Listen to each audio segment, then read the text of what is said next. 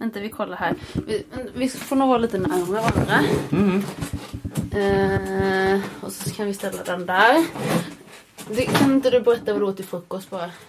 Eh, Jag hade ingenting till frukost. Så som det brukar vara. Alltså? Varför äter du inte frukost för?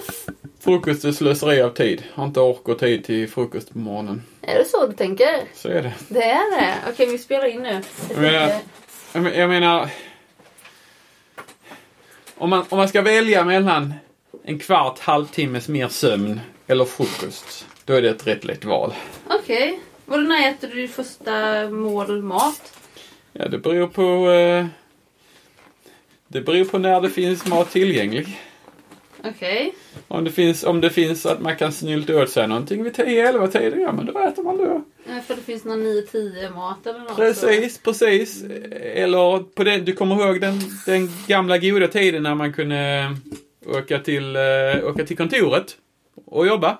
Mm, just det. Innan Så brukade, corona. brukade precis innan corona ja, då, eh, då fanns det fruktkorgar på kontoret. Just Och då kunde man kasta i sig en banan och ett äpple och lite så. Så, det var, så klarade man sig fram till, fram till middagstid. Middag är ju kvällen. Middag, middag, mitt Ah. på dagen. Sant, okej. Jag är tillbaka. Så 4-5 då är middag. Inte? När står solen som högst på Fast det är himlen? lunch. Du kan inte säga middag. Eller där jag kommer ifrån. Middag är mitt på dagen. Ja, men Det vill så säga- det vill säga- it makes sense. Det vill säga vid 12-1-tiden. Eh, det är ju så, om jag kan min historia korrekt, är att speciellt i det gamla bondesamhället, middag är och var eh, mitt på dagen. Ja, men det var den mål, måltiden man åt vid 12 eh, 1-tiden. Mm. Men efterhand som is- industri- industrialiseringen eh, kom, där man, folk jobbade i fabriker, jobbade på kontor, ja, du vet, industrialiseringen. Eh, så blev det så att man kunde liksom inte laga mat mitt på dagen utan man hade någonting med sig eller ja, i praktiken man hade någonting med sig hemifrån. Man kunde inte laga varm mat. Och, och, och då blev det lunch och sen så sa man att man sköt, man, man middag det var det man åt på kvällen. Men ursprungligen bondesamhället, nej men middag det var mitt på dagen. Det var, det, det var den måltiden man åt 12-1 på, på, på dagen. Eh, och i alla fall där jag kommer ifrån, uppväxt på en bondgård. Mm. Eh, så det man, det man åt på kvällen, ja men det var kvällsmat. Ja. Men nu när du säger det så är det nog så vi också har sagt. Det har nog blivit... Jag tror att jag har ändrat det sen jag har jobbat utomlands. Jag, jag var ju... Eh, jobbade i Skottland lite. Och där heter det dinner, heter det ju då. Som man äter kvällstid. Och då har jag nog översatt det till middag kanske. Jag vet inte för jag är nog uppvuxen när jag tänker efter så som du säger. Att det är så man, man säger. Men det har nog kanske... Eh, Så- jag vet inte. så det här- det- det- jag tycker-. Jag har, du har rätt, jag har fel. Jag, ty jag, tycker det är en, jag tycker det är en rolig käpphäst i alla fall. Eh, okonsekvent käpphäst, men rolig käpphäst. Att jag, när folk säger att de äter middag på kvällen, eh, då säger jag till dem hur fel de har då. Så Mm. kan jag känna mig lite bättre. Men du och jag. Och det är ju logiskt i allting som du tänker oftast, är min känsla. Nej, inte allt onaj, inte all onaj. Ja men eh, okej, jag omformulerar. Du, sen, det kanske inte blir rätt alltid, för det blir det inte för någon. Men, men att du försöker göra det efter logiskt tänkande, eller? Den, den munnen man är kapabel till. Ja. Eh, Men som vi vet, och det här gäller ju alla människor, varenda en, att eh, vi agerar inte logiskt. Jag agerar inte logiskt. Du agerar inte logiskt. Men sen så är, skulle jag nog vilja säga att det finns de som man agerar mindre logiskt än andra personer. Eh, går det ihop? Går det ihop logiskt? Det gör det kanske. Du du förstår kanske hur jag menar? Men tänker du då att man eh, går på känsla då istället? Eller vad menar du med att man inte gör låg? För även om du går på känsla så finns det ju någonstans logik bakom den känslan man, man, man eh, går på. Eller vad man säger. Eller vad menar du? Och det är en bra fråga. Det där med att man säger om man går på känslan, vad betyder det egentligen? Mm.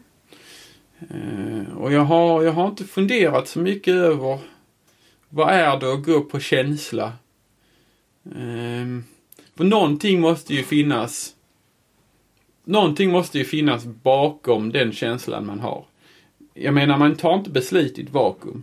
Mm. Besla, beslut är alltid grundade på på någonting.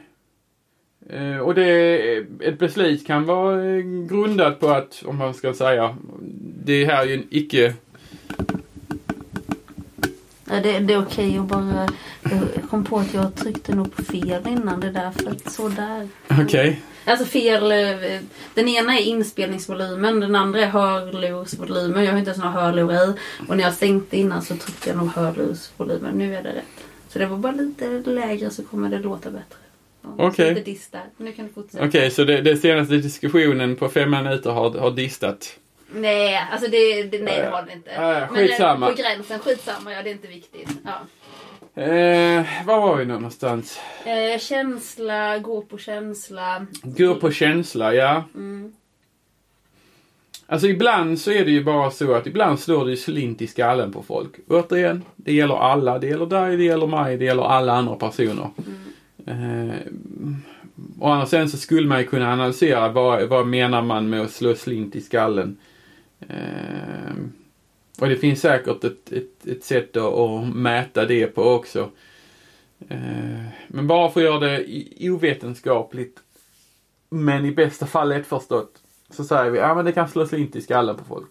Man gör någonting som det finns ingen, ingen egentlig grund till. Mm. Ja, Någon Men- grund kanske men inte bra grund. Ingen, ja, fast det skulle jag säga det är någon... Det finns ingen, om vi säger så här, det finns ingen logik varför man tar ett beslut som man tar. Fast det köper jag inte riktigt. Någon logik finns det ju. Sen kan det behöver inte vara bra logik. Det kan vara dålig logik.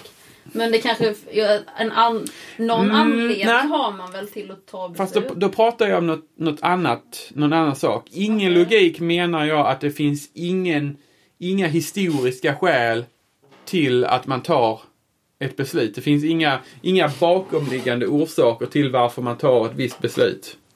För man har aldrig varit med om någon situation innan. Man har lärt sig för att... Inte nödvändigtvis det, utan det skulle kunna vara så också att man tar ett beslut som går tvärt emot eh, de erfarenheter man har tidigare. Då skulle jag säga, då finns det ingen logik till varför man tar ett beslut. Sen så finns det de fallen där man har, har logik men att den är dålig och det var det du, det du var inne på tänker jag. Ja, men man kanske inte ens vet om att man har logiken menar jag. Jag tänker ifall jag... Eh, vad fan ska man ta? Ja, men alltså jag gör någonting. Och jag tänker, alltså jag tänker inte på varför jag gör det, jag gör det bara. Men någonstans så kanske det finns en anledning till att, alltså det här inne i hjärnbanken så kanske det är att, att jag vet att eh, eh, Fan, alltså men om jag släpper den här ölen här, då kommer den ramla ner, det vet jag ju. Mm. Men vad är logiken? Varför skulle jag släppa ner den här jävla ölen där? Men det kanske fanns någon, någon annan jättekonstig logik. Att, eh, att jag vill eh, bara se kaos. Jag vet inte, det är jättekonstig logik liksom. Men, ju Mm. Men, men, men slags allt det du säger låter ju logiskt. Ja. Ehm, men och nu kan jag inte komma på något exempel bara för det, för att det är lite det som är definitionen av ologik. Ologiskt. Ja, nej, men att, att en person tar ett beslut och så finns det inga egentliga grunder som man kan härleda till någonting. Att den här personen tar ett sånt beslut.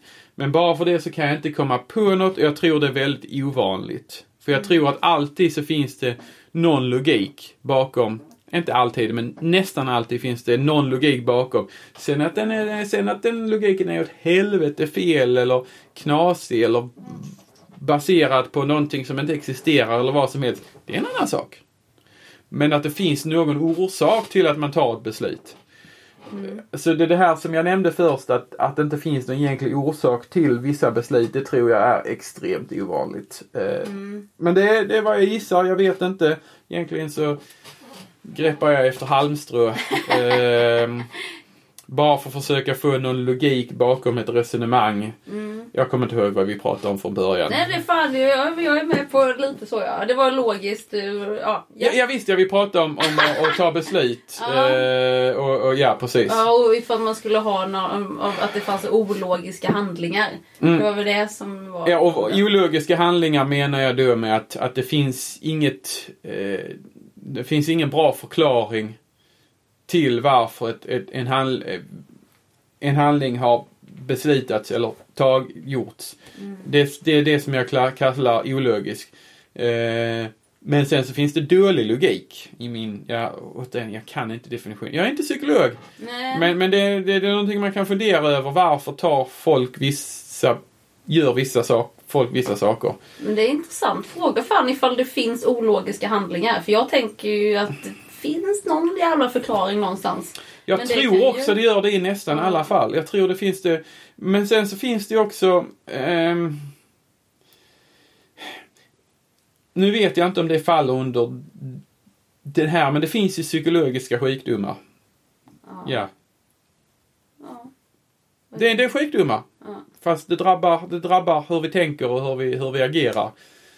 Där vi inte vet vad det beror på. Ja, vi kan ju gissa att det beror på kemisk obalans och, allt. Ja.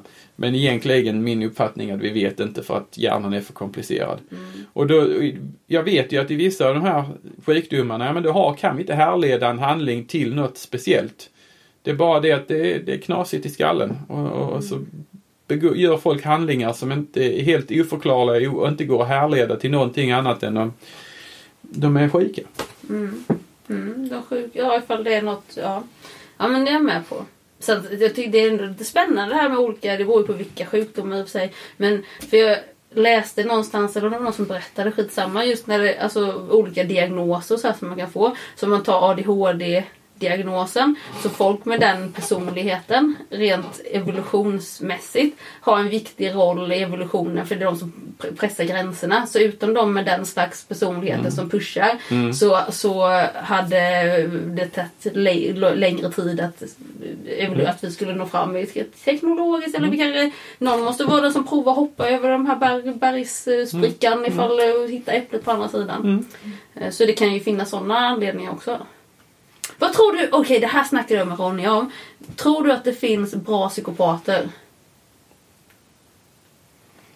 Vad menar du med bra psykopater? Jag menar att ifall, okej, för när det pratas om psykopater så är det ofta, okej de är empatilösa, tänker bara på sig själv, eh, har ingen ånger och här grejer. Och då tänker jag, är det nödvändigtvis något dåligt? Måste det, det blir ju dåligt om det används för att skada andra människor. Och liksom, alltså manipulera, vad betyder det egentligen? Liksom, är inte det något som Alltså när är det skadligt? Eller för allting som man säger, som man säger till någon, när är det manipulation? När, när säger man någonting? För jag, man kanske, det, ja, men jag, jag, vi ska prata om någonting och min, jag kanske, jag kanske tänker att ja, men någonstans så kanske vi kommer komma fram till det här men det vet jag ju inte.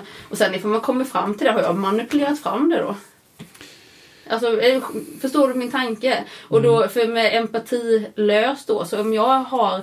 Eh, om jag inte känner... Men som jag förstår så har de inte brist på empati för man kan känna empati till sig själv om man är psykopat.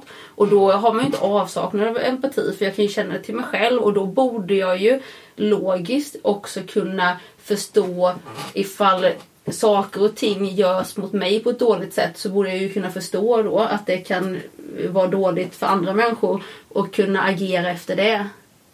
Eh, att inte göra dåliga saker mot den människan jag, jag, jag tappade hel, halvvägs genom, genom det sista argumentet. Men eh, jag tänker så här. Har du någonsin manipulerat någon person? Yes, vad betyder det? Vad betyder manipulera någon? Har du någonsin försökt få en person att göra någonting som du vill att denna, vi vill att denna personen ska göra? Mm, alltså inte så jag kan tänka så. Men jag tänker så. Jag tänker mer konversation. Jag, jag, jag, och jag skulle säga där att om du säger nej så, så tror jag att du ljuger. Ja, men jag tänker konversationer, men att alltså, göra handlingar, jag vet inte. Men jag tänker konversationer, ja. För då tänker jag att man eh, eh, säger, kan säga saker för att få någon reaktion eller så här. Men just handlingar, jag vet inte. Kan du ge mig, jag vet inte. För få någon att göra någonting. Alltså det vore ju... Har, har du någonsin velat ha med en kompis på, eh, eh, på en fest eller eh, på någon form av utflykt och den här personen har varit lite tveksam och så har du försökt övertala den här personen. Ja, det måste ju ha hänt. Det måste ju ha hänt. Precis, så det, Ja. det, det är det jag menar att, att till olika grad så försöker vi manipulera folk runt omkring oss. Ja. Eh, ligger i den mänskliga naturen skulle jag vilja påstå.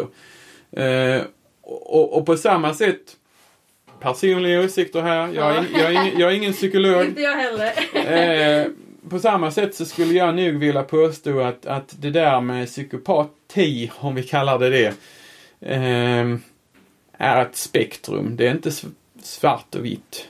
Det finns de som jag vill, skulle vilja påstå har mer psykopatiska drag och det finns de som har mindre psykopatiska drag. Mm. Eh, Vi håller alla på och, och, och, och manipulerar varandra på ett eller annat sätt. Eh, Förutom de som kanske är, har grava störningar åt ett eller annat håll. De kanske Mm. inte håller på med sånt. Ehm, vi håller alla, vi har alla inte lika mycket empati för alla våra medmänniskor. Du har olika empati för vissa människor än andra människor. Ja. Ehm, s- så om vi, om vi ser det så här istället att kräver an, anledningen till att vi är där vi är idag. Hade vi kunnat vara där vi är idag rent utvecklingsmässigt och då menar jag utvecklingsmässigt som samhällsutvecklingsmässigt utan en viss grad av det som vi kallar psykopatiska drag Mm. skulle jag säga svaret är nej. Finns, finns det fall där de psykopatiska graden, äh, psykopatiska dragen går till sådan, om vi ska säga överdrift, eller så går till sådan grad att det skadar samhället istället för hjälper samhället? Definitivt, i min mening. Mm. Och, och det, det, det, det, det är de som är, är så att säga ja, farliga för samhället i min mening. Men att urskilja var sätter vi gränsen för det här är för mycket så att psykopatiska drag så att det skadar samhället jämfört med så här mycket psykopatiska drag accepterar vi. Mm. Var drar vi den gränsen? Det är jättesvårt. I praktiken så drar vi gränsen när folk börjar begå brott. Och när de hamnar i fängelse. Det är väl då de också gör utredningar på dem ifall de är psykopater eller inte. Mm, mm. Ofta. Men, men eh, man skulle ju kunna tänka sig att man skulle ha en, eh, vad ska man säga, en mer fin linje över hur mycket samhället kan acceptera. Det är bara det att det är liksom orealistiskt att hålla koll på eh, våra invånare till den graden att, att, att vi bestämmer ah, du, du är för psykopatisk, eh, dig löser vi in. Eh, och du har rätt mängd psykopati, du får fortsätta vara företagsledare för det här företaget. Du förstår bekymret. ja. Eh, Man kan ju ha olika intressen. Den ena kanske gillar att plåga djur, den andra gillar att plåga sina anställda. Mm, det kan ju, och det ena är ju kanske plåga anställda är ju inte olagligt för att du inte gör det fysiskt. Men alltså, Mm. ja skitsamma. Men eh, Det beror på definitionen av plåga skulle Ja, jag säga. precis. Men Ja. för all del, för all del. ja, tvinga dem och inte tvinga. Men alltså pusha dem och jobba väldigt hårt då till exempel. Mm, Plåga på det sättet att de till bristningsgränsen och så, så blir de sönderstressade och allt är jättejobbigt. Eh, det är ju inte så roligt Nej. för de anställda. Nej, Det är det inte. nej, tack, jag vet. Ja. Men eh, ja, vad fan jobbar du med? Kan du förklara ditt jobb? Jag vet ju lite, men förklara vad är det för någonting? Ehm, den korta varianten. Eh, har du varit nere åt Lundahållet senaste åren? Mm, nej, bara med tåg. Inte stannat där. Ja, okej, okej, okej. Nej, du har du Det håller på att byggas en forskningsanläggning norr om Lund. Eh, en partikelaccelerator. Okej. Eh, jag jobbar för denna partikelacceleratoranläggning med att eh, skriva kod. Sk- Skriva mjukvara för, för datahantering. Eh, från den, de försöken som ska göras eh, på den partikelacceleratorn när den väl är igång. Vad är en partikelaccelerator? Den, det är en accelerator som accelererar partiklar. Varför vill man göra det? Varför vill man accelerera partiklar? Massor av... Att, att de ska bli, gå snabbare eller bli fler? Eller hur accelererar man dem? Ja. Båda dessa påståenden var korrekta. Okej. Ehm, så... Eh, partikelaccelerator är just det. En accelerator som accelererar partiklar. Eh, men man kan använda partikelacceleratorer för så många olika typer av forskning. Eh, så det, det, det, ja, det är lite för lite information. Eh, det här är en partikelaccelerator som ska användas för att producera eh, neutronstrålning, vilket inte säger dig någonting. Och den här neutronstrålningen ska användas i sin tur för att eh, göra materialundersökningar. Undersöka sammansättningen, utformningen på diverse material. Okay. Ja, så... eh, om vi ska stanna där så kan vi säga så här att jag jobbar som programmerare. Ja, jag kan en del fysik. Jag har ändå pluggat fysik rätt många år. Men exakt detaljerna bakom de experimenten som ska göras på den här anläggningen är jag fel person att prata om. Mm. Jag har hållit på med programmeringen de senaste var typ fyra, fem åren eller vad det är. Okay. Eh, vilket betyder att jag har inte varit, så i, inte varit särskilt inblandad i, i och, och, och, och ta fram experimenten eller, eller någonting i den stilen. Utan jag har kodknackande jag har hållit på med framförallt. Men det här har ingenting med strålning att göra då? I högsta grad. I högsta grad? Neutroner är strålning. Okay. Om de är fria.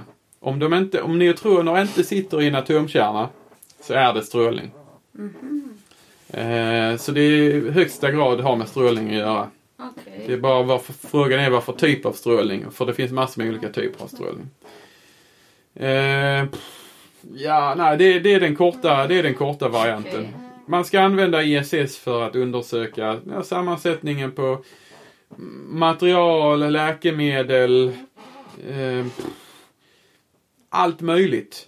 Men vad allt möjligt är kan jag inte säga för det är inte mitt expertisområde. Vi är ändå vad är vi, 600-700 anställda eller någonting i den stilen och jag är bara en av dem som håller på med kodknackning. Fan, det är ju ett stort projekt då. Det är, det är ett rätt stort projekt. Relativt sett stort projekt eller som en, en jämförelse som, som en av mina kollegor gjorde att ja, jo, det, det här är ett stort projekt. Det, Eh, vi spenderar ungefär lika mycket pengar på, på att bygga den här partikelacceleratorn som vi spenderar på att bygga Öresundsbron. Shit, det är så alltså? Ja. så, så nu får du själv avgöra hur du tolkar detta. Det måste men... vara mycket pengar, gissar jag. Jag har ingen aning om vad Öresundsbron kostade men jag antar att i och med att det kostar 400 spänn, då fan det åker över den varje Ja, eller hur? Måste, måste den vara ganska dyr. Eller hur, eller ja. hur. Ja.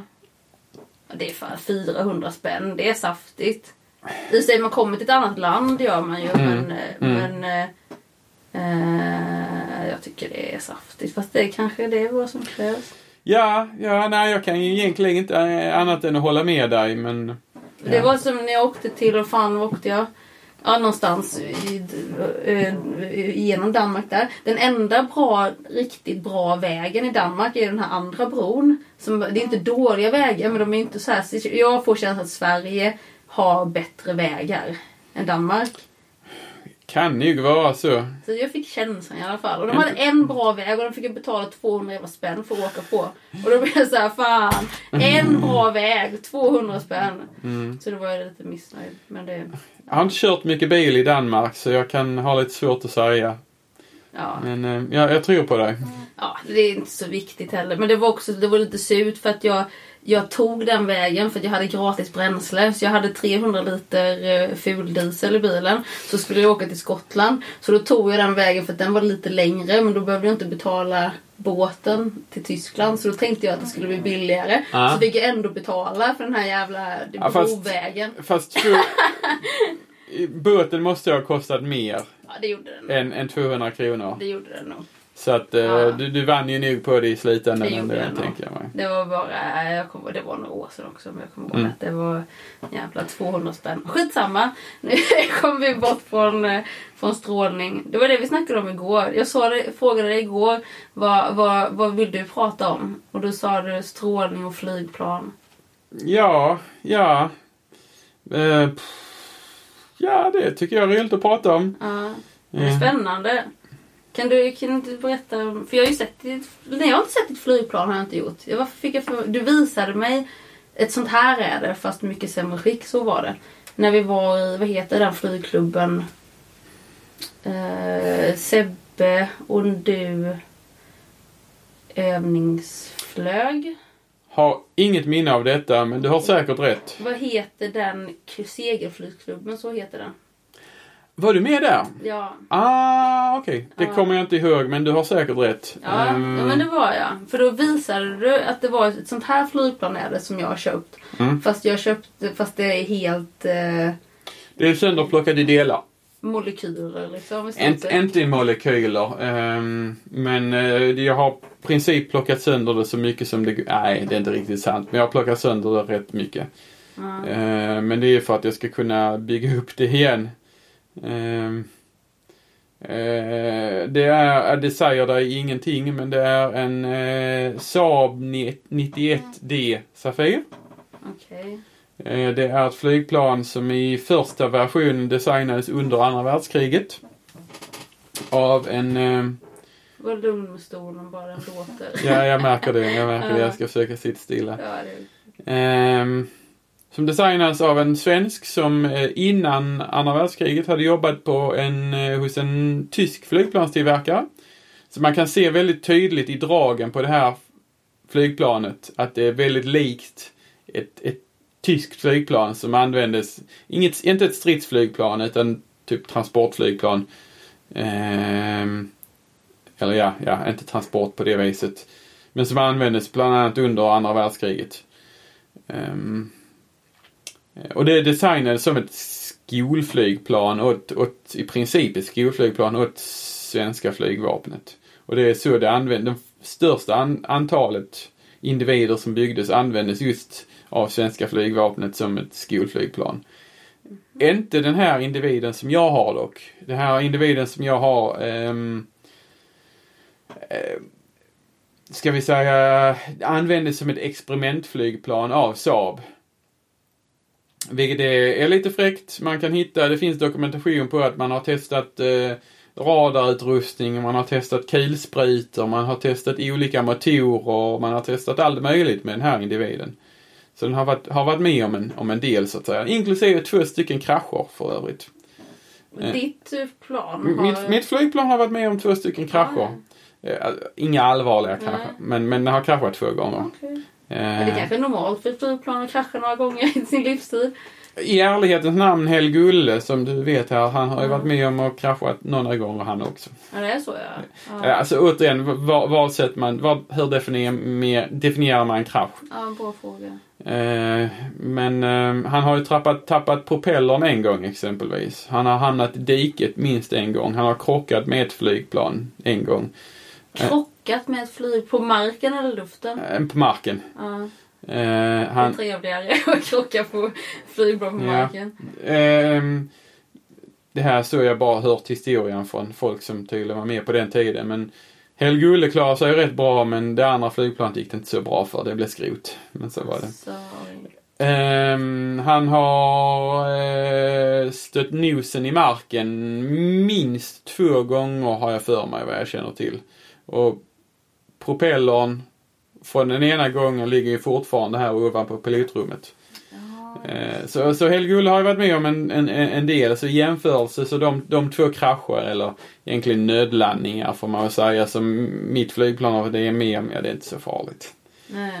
Eh, Man kan se lite skador på undersidan om man kollar på rätt ställe på det men det är inte hela världen. Varför köpte... Vad, så, vad var det för årsmodell på den? Eh, nu får jag tänka efter här att flygplanet byggdes 53 har jag för mig i Nederländerna. Okej. Och sen så kom det till Sverige och så jag tror 57 eller 58. Var det inte en Saab? Ja. Så det byggdes i Nederländerna? Ja. Saab var fullt upptagna med att eh, bygga Tunnan om du har hört talas om det flygplanet. Nej. Tunnan... Det fanns en tid efter andra världskriget när Sverige hade typ världens var det fjärde eller femte största flygvapen i världen. Lilla Sverige, Oj. lilla skitlandet Sverige, hade, om det var fjärde eller femte största flygvapnet i världen. Fan. Anledningen till detta för att vi kunde ha vär- världens så så stort flygvapen var ju, så de större var ju Ja, det var ju USA, Storbritannien och Ryssland hade större flygvapen och det var väl de i princip. Men anledningen till att Sverige kunde ha så stort flygvapen var för att man tog beslut om att här ska vi satsa på flygvapnet. Och nästan alla andra länder i världen som, som var intresserade av flygvapen, ja men de hade ju precis kommit ur andra världskriget så de hade ju inte råd att bygga flygplan. Ehm, så ett av de första efterkrigsflygplanen som designades i Sverige var eh, det flygplan som vi idag kallar Tunnan. Jag kommer inte ihåg beteckningen på det men eh, om du pratar med vilken flygplansnörd som helst, Tunnan, det är ett ikoniskt flygplan. Mm. Eh, och eh, jag kommer inte ihåg om Sverige beställde tre eller fyra hundra tunnan eller var det ännu fler? Det hyfsat många, speciellt för ett sånt här lit, litet land som Mm. Sverige. Eh, och då, då hade inte, det var Saab som tillverkade tunneln och Sverige hade inte, eller Saab hade inte kapacitet att samtidigt bygga det här skolflygplanet. Så då så gick man till Nederländerna, som jag förstår det, det företaget som sen blev Fokker. Fast du kanske inte känner till Fokker Nej, heller? jag är, Nej. du är ju inte så duktig på flygplan. Det, det, du lär ju mig nu. Du är Ja. min eh, flygplanslärare. Ja, ja. Mm. Och strålning och fysik och... Ja, ja, Mm. I alla fall så, så Saab anlitade eh, De Schelde eller sånt, tror jag företaget hette på den tiden.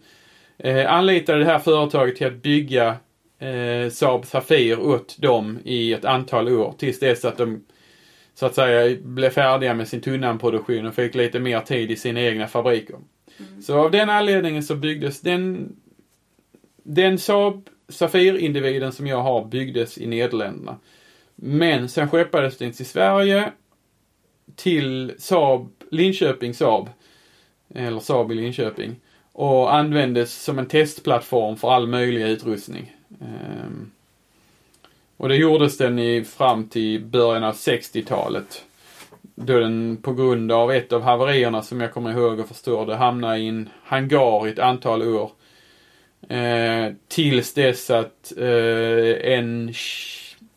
Det här är före din tid, det är före min tid. Eh, men mitten, slutet av 60-talet så, beslut, så, så köptes den här individen, alltså mitt flygplan, Mm. av en väldigt känd svensk personlighet. Som eh, kallades Karlsson på taket. Okej. Som var rallyförare åt Saab. Han körde, han körde rally med Mm. Saab-bilar. Han kallades Karlsson på taket för att För att han hoppade från byggnader. Nej, Ingen aning. Han flög. Om- han gillade att flyga. Han nej. flög fram i Om man, bilen. om han, ja det kan man ju säga. Om han, om han, kör, om han kör rallybilar och han kallades Karlsson på taket. Men fan, han propeller på huvudet på... Ingen aning. Jag Skulle, kunna, den. skulle kunna vara så att, att, att han var känd för att eh, snu, snurra bilen och landa med bilen på taket. Jaha. Eller ta, ja, med taket neråt. Ja, Därav Karlsson på taket. okej. Då är jag med. Ehm, så, så pratar man med den äldre generationen, eller några generationer äldre än, än oss, Ja. så eh, är det inte alls otroligt att de vet vem Karlsson på taket var. Han är död nu för övrigt, men eh, okej. han, var, en- han var en väldigt känd svensk rallyförare långt före vår tid. Mm. Han köpte den här individen. Varför kallar du ditt flygplan för individ för? Det måste jag få svar på. Jag kan inte koncentrera mig om jag inte får, inte får svar på det. Vad ska jag annars kalla? Jag vet, men individ, det är väldigt, har, det känns eh, väldigt så att den, den har en själ den här. Lite. Så det här flygplanet är ju av en viss modell. Och den modellen är 91D Safir. Mm. Men det finns ju många 91D Safirer. Mm. Så om vi bara ska ta en specifik 91D Safir, vad ska vi kalla? Ja, Det- men jag köper individ. Det är bara jag köper. Därav, därav individ skulle jag vilja påstå. Ja, Mm. okej. så, eh, förlåt. Karlsson på taket har köpt eh, Mm. in, din individ. Ja. Ja. Eh, och så hade han den i Storbritannien, för han levde i England rättare sagt. Eh, fram till 70-talet. Eh, då han tröttnade på maskinen eller jag vet, vet inte katten vad han, vad han gjorde. Men han, han, han beslutade sig i alla fall någon gång under 70-talet att sälja tillbaks kärran till Sverige till en känd svensk flygare som också långt före vår tid, långt före vår tid, eh, eller ja, typ långt före vår tid. Eh, jag kommer inte ihåg vad han heter, Björn någonting. Eh, som höll till på Sko-Edeby som är ett flygfält i närheten av Stockholm. Och den här Björn, vad han hette någonting, han flög med maskinen fram till början av 80-talet. Eh, då eh, maskinen skulle in på någon, någon stor service. Och han, han brydde sig väl sig inte om att lägga en massa pengar och tid på att få in den på den här stora servicen. Så den har stått Sen stått i en hangar sen dess, sen början av 80-talet. Mm. Eh, och så bytt ägare minst en gång under den tiden. Ja, två gånger med den gången som jag har köpt den. Så att, eh, eh på den vägen är det. Är den såld nerplockad då eller köpte du den nerplockad? Eller? Delvis nerplockad ja. Den hade inte, den hade inte vingarna påsatta. De hade inte, den hade inte vad vi kallar stjärtfjädrarna påsatta. Utan det var motorn satt i men eh, motorn var, den var egentligen också sönderplockad i små delar. Fast den satt i. Eh, och det saknas rätt mycket delar från flygplanet också som jag försöker leta reda på. Hur får man tag i sånt? Ja, har du fler bra frågor? det är leta i hela världen eller? I stort sett eller är det? Det är lättast att leta i Sverige för att det har ändå funnits flest Safir-individer i Sverige. Mm. Eh, men det är inte helt lätt att få tag på delar till den. Det är ett av de större bekymmerna som jag har. Hur många tillverkades det? Såna... Typ 400 någonting har jag för mig. Inte mer? Nej. nej. Oj. Det, det, det, det, är vad man kallade en stor, på den tiden, en stor eh, svensk exportframgång. Men jag menar om man jämför med många andra flygplan så var det ju liksom var en droppe i havet jämfört med mm. många andra flygplan som har tillverkats. Men den specifika mod modellen då? Sen fanns det eh, eller var det hela den? Alla Saab Safirer ah. från A, B, C och D. Det är det som jag ah. har så såldes det cirka 400 stycken. Alla! Så att det är inte så jättemånga, nej. Jäklar, nej det är klart. Och har du ju... Det, har du jättetur. Kanske någon som lyssnar på det här? Ja. ja hör ni? Hör ni? man vet inte, aldrig. Inte så jäkla trevligt. Ja. Man vet aldrig. Det kan man vet aldrig. Du vet världen är liten. Man, och det går alltid konstiga. Du vet. Eh, men det, det är inte så många som lyssnar. Så man vet aldrig. Vad, vad ser du ut tidsmässigt? Jag har hållit på några minuter till om du har någon, någon frågegång till. vad, vad ska du göra med flygplanet? Få det luftvärdigt i bästa fall. Varför köpte du just den modellen? Det finns ju massa andra. Varför köpte du ett flygplan som var nerplockat, som bara gjorde 400 exemplar, som det är jättesvårt att få tag i delar och du måste lägga ner sjukt mycket arbete. Varför köpte du det? Enkelt. Flera anledningar. Ett, jag vill ha ett projekt. Mm. Jag tycker det är roligt med projekt. Du har sett min vagn. Mm. mm. Det var ett relativt litet projekt med det här flyg, jämfört med det här flygplansprojektet. Ja. Väldigt litet projekt jämfört med flygplansprojektet. Byggde du vagnen själv också? Nej, jag, det, var ungefär, det var ju en vagn. Men den behövde rätt mycket arbete för att få i beboeligt skick. Eh, för den såg väldigt rälig ut på insidan framförallt och golvet var delvis sönderruttnat och ja. Mm. Eh, Andra är, flygplan är jävligt dyra. Mm. Alltså, jag är inte fattig. Nej. Men eh, jag har inte råd att köpa flygplan. Ja. Jag har inte pengar till. Nej, flygplan är dyra. dyra. Det är en dyr hobby. Eh, det här flygplanet var relativt billigt. Och det uppfyllde typ